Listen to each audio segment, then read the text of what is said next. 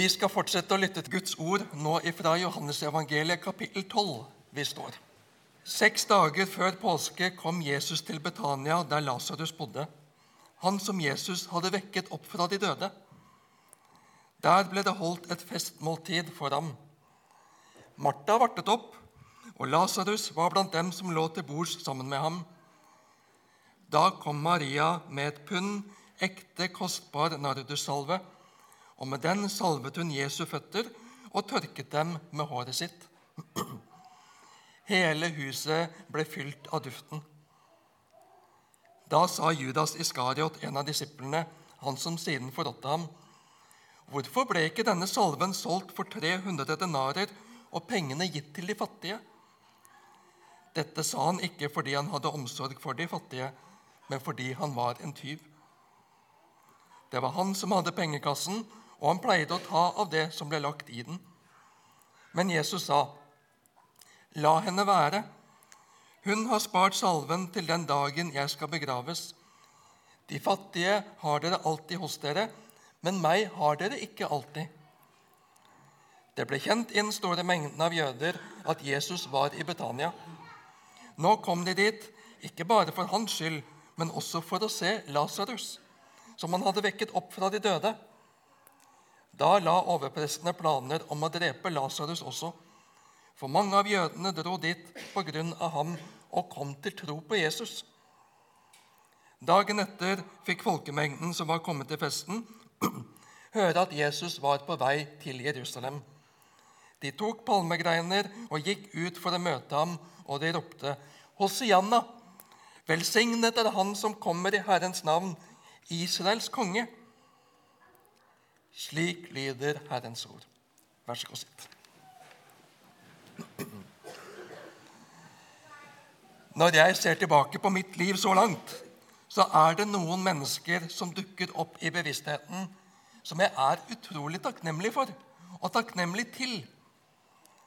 De har betydd så mye for meg. Bjarne, som så meg da utreisen til Tanzania ble satt på vent på ubestemt tid, og det var krise i storfamilien pga. en ulykke med lenge uvisst utfall.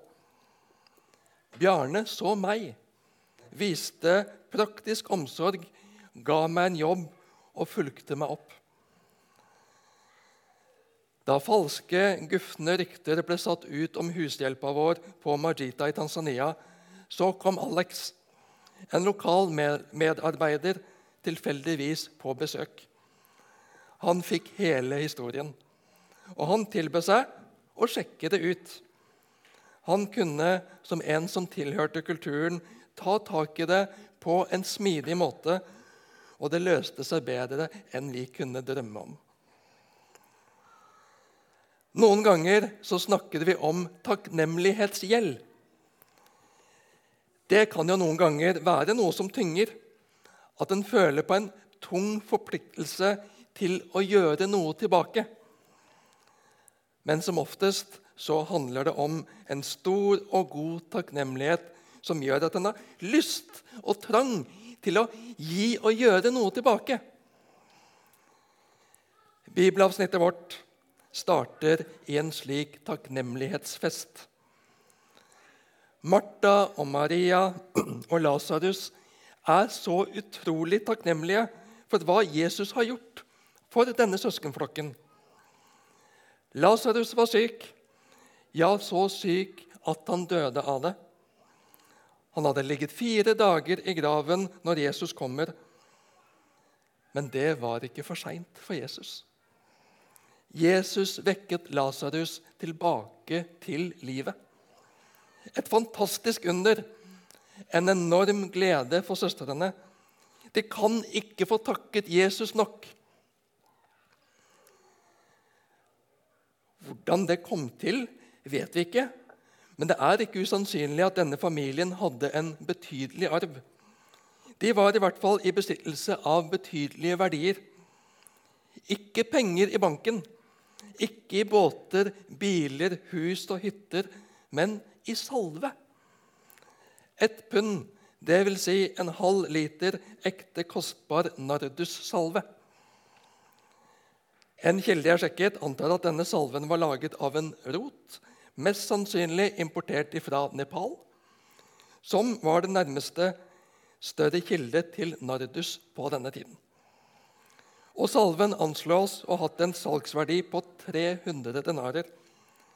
Det vil si om lag en halv million kroner i dagens verdi. Og denne salven kommer Maria med. Setter seg ved Jesu føtter og salver dem. En salve som de sikkert har brukt forsiktig og sparsommelig av, eller bare spart. Den bruker hun nå enorme mengder på Jesus. I enorme mengder på Jesus, så duften fyller hele huset. Det er det beste hun har. Og hun kan ikke få gitt Jesus nok. Så glad er hun i ham. Så takknemlig er hun for hva Jesus har gjort for dem. Et takknemlighets- og hengivenhetsoffer av dimensjoner. Vi har en gjennomgang av Kolossebrevet her i Misjonshuset denne våren. Og Noe av det som virkelig har slått meg når jeg jobber med Kolossebrevet, det er Paulus, Paulus sitt fokus på å takke. Med glede skal dere takke Far, som satte dere i stand til å få del i de helliges arv. Kolosserne 1,12. Hold fast ved den tro dere er opplært i, med overstrømmende takk til Gud. Kolosserne 2,7. Vær takknemlige. Kolosserne 3,15. Undervis og rettled hverandre med all visdom. Syng salmer, viser og åndelige sanger til Gud av et takknemlig hjerte. Kolosserne 3, 16. La alt dere sier og gjør, skje i Herren Jesu navn, med takk til Gud, vår Far, ved ham. Kolosserne 3, 17. Vær utholdende i bønn, våk og be med takk til Gud. Kolosserne 4, 2. Så blir spørsmålet for meg hva har jeg fokus på? Er det det jeg mangler, eller er det det jeg har? Det jeg vil at Gud skal gi meg, eller det han allerede har gitt meg? Markedsføring og reklame handler om å vekke behov, nære lysten på mer, skape en utilfredshet, nærmest, for å søke å skaffe seg noe nytt, noe bedre, stadig mer. Og det kan også få en type åndelig farge. Vi vil erfare mer, mer av Guds nærvær, og så blir det et jag og et strev og et kav om det en skal oppnå, framfor å se og takke. Være tilfreds og hvile i det en har fått av Jesus, det vi har i Jesus. Forbruks-, underholdnings- og opplevelseskulturen kan så lett ta også oss som kaller oss kristne. Men vi blir ikke lykkelige av det. Tvert imot så blir vi utilfreds, og vi spores av mot andre ting og en annen måte å forholde oss til det åndelige på framfor å forholde oss til Gud som Gud, som skaper og far. Jesus blir en veileder til åndelig oppvåkning framfor Herre og Frelser. Den hellige ånd blir en kraft jeg skal besitte, en åndelig dimensjon jeg skal være i, framfor min talsmann som viser meg at jeg trenger Jesus og herliggjør ham. Hva har jeg fokus på? Det jeg mangler, eller det jeg har fått av Gud og får være i Jesus Kristus? Maria var så takknemlig til Jesus for hva han var, alt han hadde gitt dem. Hun hadde sittet og lyttet til Jesus og tatt inn hans ord og tale og budskap. Hun hadde vært så oppslukt av Jesu budskap at søsteren Martha hadde blitt irritert over at hun ikke hjalp til, hjalp henne med det praktiske arbeidet. Maria hadde sett noe viktig som gjorde at andre ting ikke var så viktig. Nå har både hun og søsteren opplevd det under at broren deres er vekket til live, selv om sykdommen tok livet av ham. Maria kan ikke annet enn å gi Jesus det beste hun har. Vi er på vei inn i påskeuka. Jeg antar at dere som hører dette, vet hvordan påskeuka ender. Hvis ikke, så vil jeg veldig gjerne snakke med deg etterpå. Og om du har hørt det eller ikke, inviterer jeg deg med glede til gudstjenester gjennom påskeuka, både skjærtorsdag, langfredag og påskedag. Hele vår kristne tro står og faller med utfallet av påska. Hva Jesus ga deg og meg i påska. Jesus tar alle dine og mine skuffelser og nederlag, all ondskap og urettferdighet vi erfarer i vårt eget hjerte og rundt oss og i verden, tar Jesus ansvar for, bærer og soner og gjør opp for, for å gjenopprette all rettferdighet. Ja, han seirer over døden for å gi oss et liv et godt liv, et fullkomment liv uten ende, der han er. Jordelivet bærer fortsatt preg av det gamle, det onde, det urettferdige. Ikke fordi at det Jesus gjorde, ikke var nok, men fordi han venter med å avslutte denne tidsalder for å gi deg og meg og alle mennesker tid og anledning til å ta imot det han har tilveiebrakt.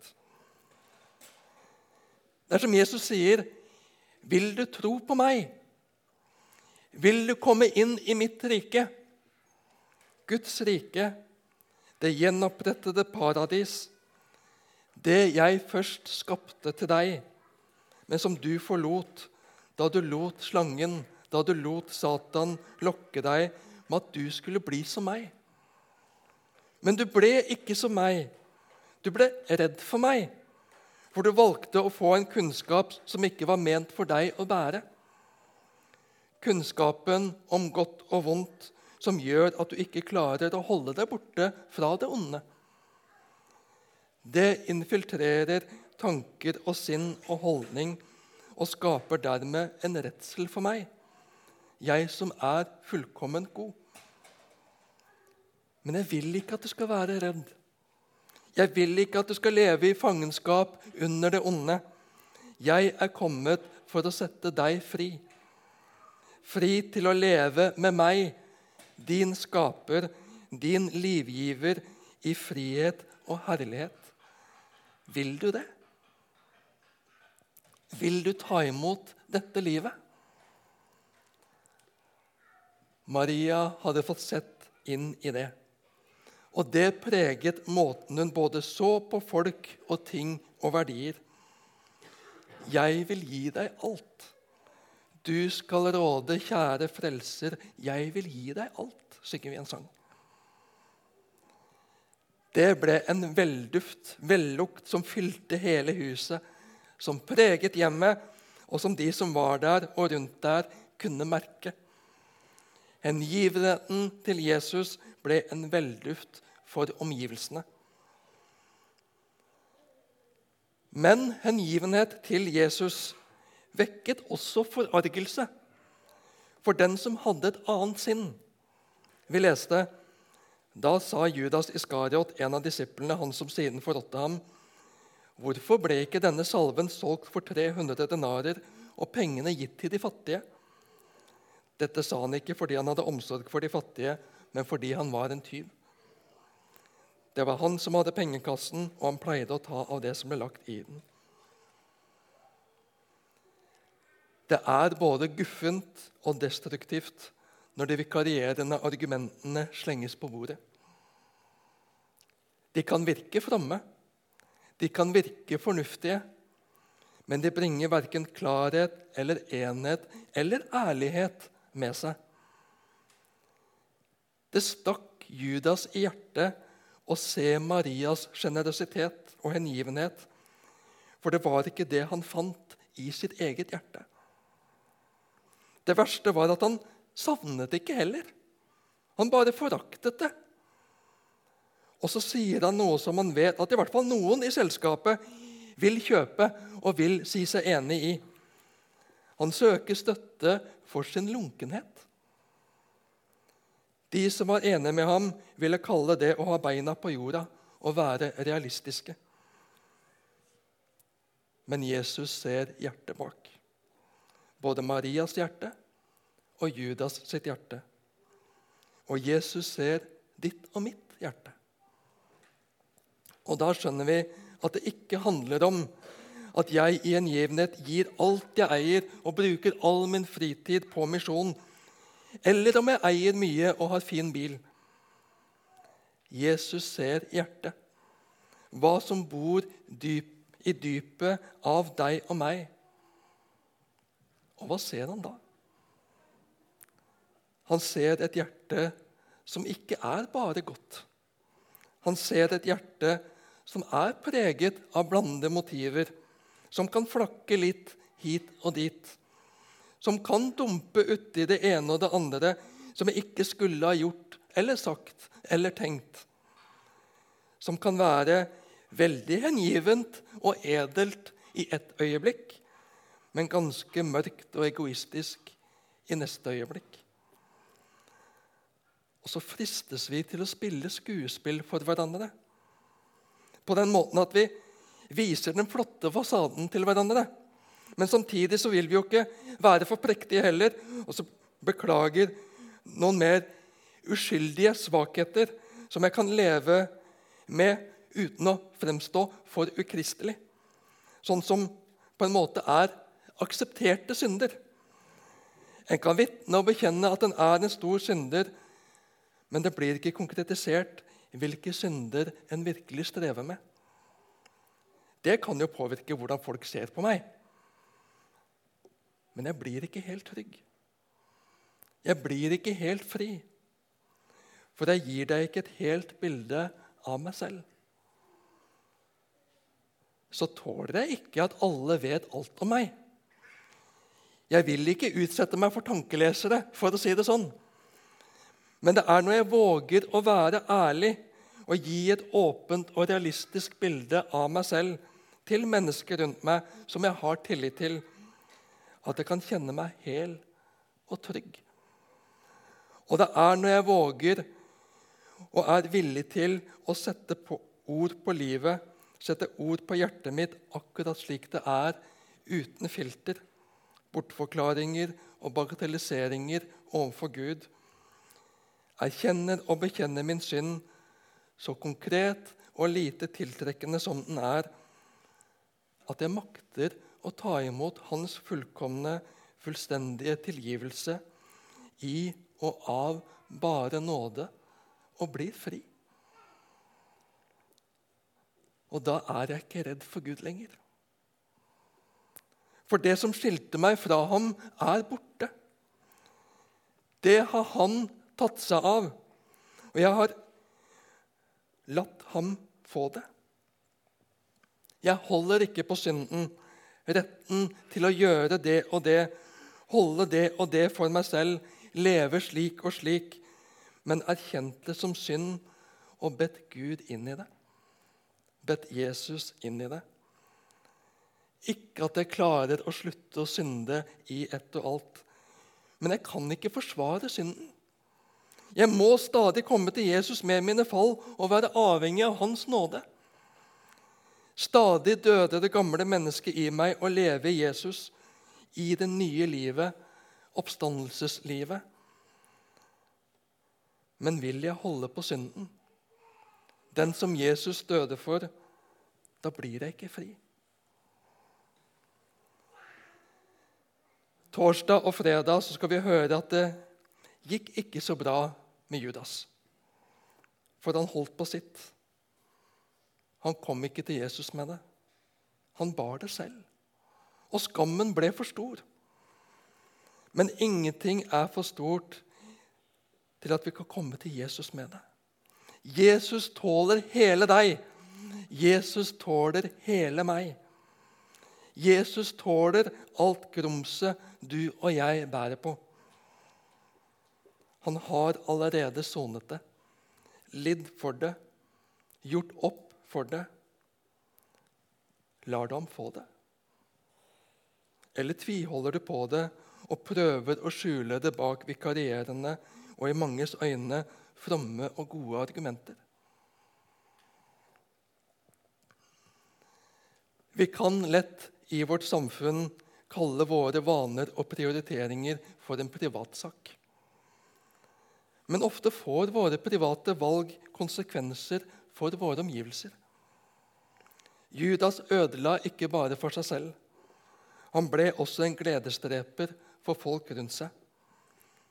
Med sitt vesen og væren og sin uoppgjorte synd forsuret han tilværelsen for folk rundt seg. Jesus må få slippe til i hele hjertet, i hele livet. Han kan ikke frelse oss ved å ta hånd om bare de syndene vi synes det er lett å erkjenne og bekjenne. For det er ikke verre enn at jeg kan innrømme at jeg har gjort det, og at jeg er sånn. Jesus må få slippe til i hele hjertet, hele livet. If Jesus is not Lord of all, he is not Lord at all. Om Jesus ikke får være herre over alt, så er han ikke herre i det hele tatt. Så er vi mennesker og ikke maskiner. Maskiner er slik de er fra de ble laget til de blir vraket. Som mennesker så er vi i vekst og forandring. Jeg har i det siste lest noen dagbøker som jeg skrev halvåret før vi gifta oss, og en stund etterpå. Da er vi tilbake midt på 90-tallet. Det er rart hva en glemmer med årene. altså. Og ikke bare det, men at en husker ting på litt annen måte. Minnet blir vridd litt gjennom årene. Dreies litt. Å ja. Var det sånn det var? Jeg husker det som at det var slik. Jeg har måttet erkjenne for Siv at det kan ikke ha vært lett å være henne. Siv, kona mi.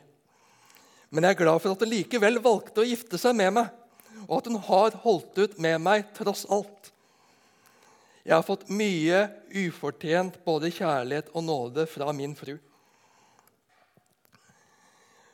Og det er en erkjennelse jeg stadig gjør også overfor Gud. Jeg er stadig helt avhengig av Guds ufortjente kjærlighet, hans tilgivelse og nåde. Nåde betyr jo å få uten å fortjene. Både ved å leve som menneske, vokse som menneske, og leve som kristen og vokse som kristen. Avsløre blindsoner skyggesider, blande motiver og tilbøyeligheter og seiglivede dårlige vaner som rett og slett er synd, og ikke bare dårlige vaner. Jeg klarer ikke å slutte å synde. Jeg klarer ikke å vende meg av med å synde. Jeg er helt avhengig av tilgivelse igjen og igjen. Og den erkjennelsen av denne avhengigheten av Jesu nåde og tilgivelse er bare voksende. Jeg blir aldri avvent. Jeg blir aldri selvstendiggjort her i livet. Ikke før jeg står frelst og fri i herlighet hjemme hos Gud, min far. Men der skal vi få være. Som barn som er avhengige av far. Som syndere som er avhengig av Jesus soning for din og min synd. Men la oss være der som ærlige mennesker. Som kan erkjenne og bekjenne og be hverandre også om tilgivelse når vi sårer og dreper glede og frimodighet og trygghet hos hverandre. Da blir det lettere å være deg i min nærhet og å være meg i din nærhet. For vi er jo søsken som hører sammen. Vi er en stor familie som skal hjelpe hverandre i livet på himmelvei. Så er ikke vi i, i Betania. Vi har ikke opplevd at Jesus har vekket vår bror eller naboen vår opp fra de døde. Men der Jesus er, og der Jesus får tale og virke, blir liv forandret. Så mennesker blir frelst og født på ny og får noe nytt å leve for. Og en dødsprosess starter. Fordi vi ikke vil leve i synden slik vi før gjorde, men stadig formes og preges av Jesus, som vi er herlig avhengig av og takknemlige til. Så vil det vekke ulike reaksjoner i omgivelsene. Noen vil tiltrekkes av det. 'Dette er flott. Dette er godt. Dette vil jeg ha del i. Her er det godt å være.'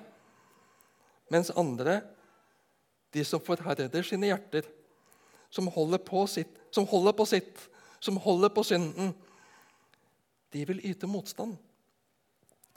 Til dels med tilsynelatende fromme og moralske argumenter. Men det vil true hengivenheten og utfoldelsen av gleden. Men vi skal ikke la det ta motet fra oss. Vi skal ikke la det ta gleden og livsutfoldelsen i Jesus fra oss.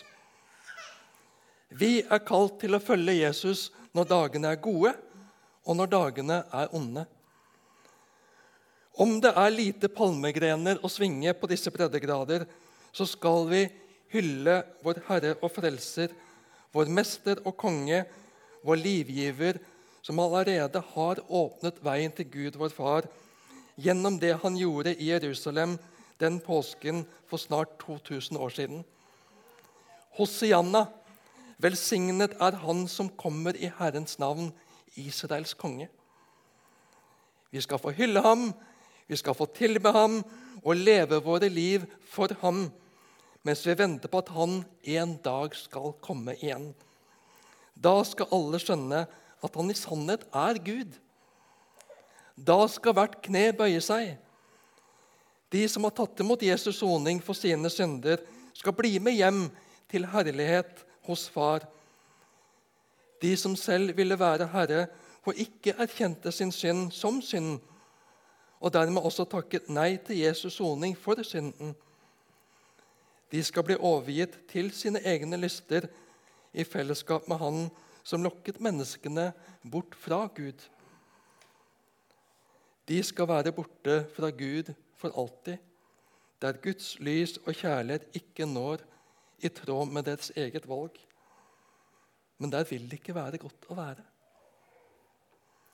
La oss velge Herrens vei mens vi har tid. La oss ta imot nåden og tilgivelsen mens vi ennå kan. La Jesus få råde, fylle, glede, prege og lede. Jesus, jeg vil gi deg alt. Amen.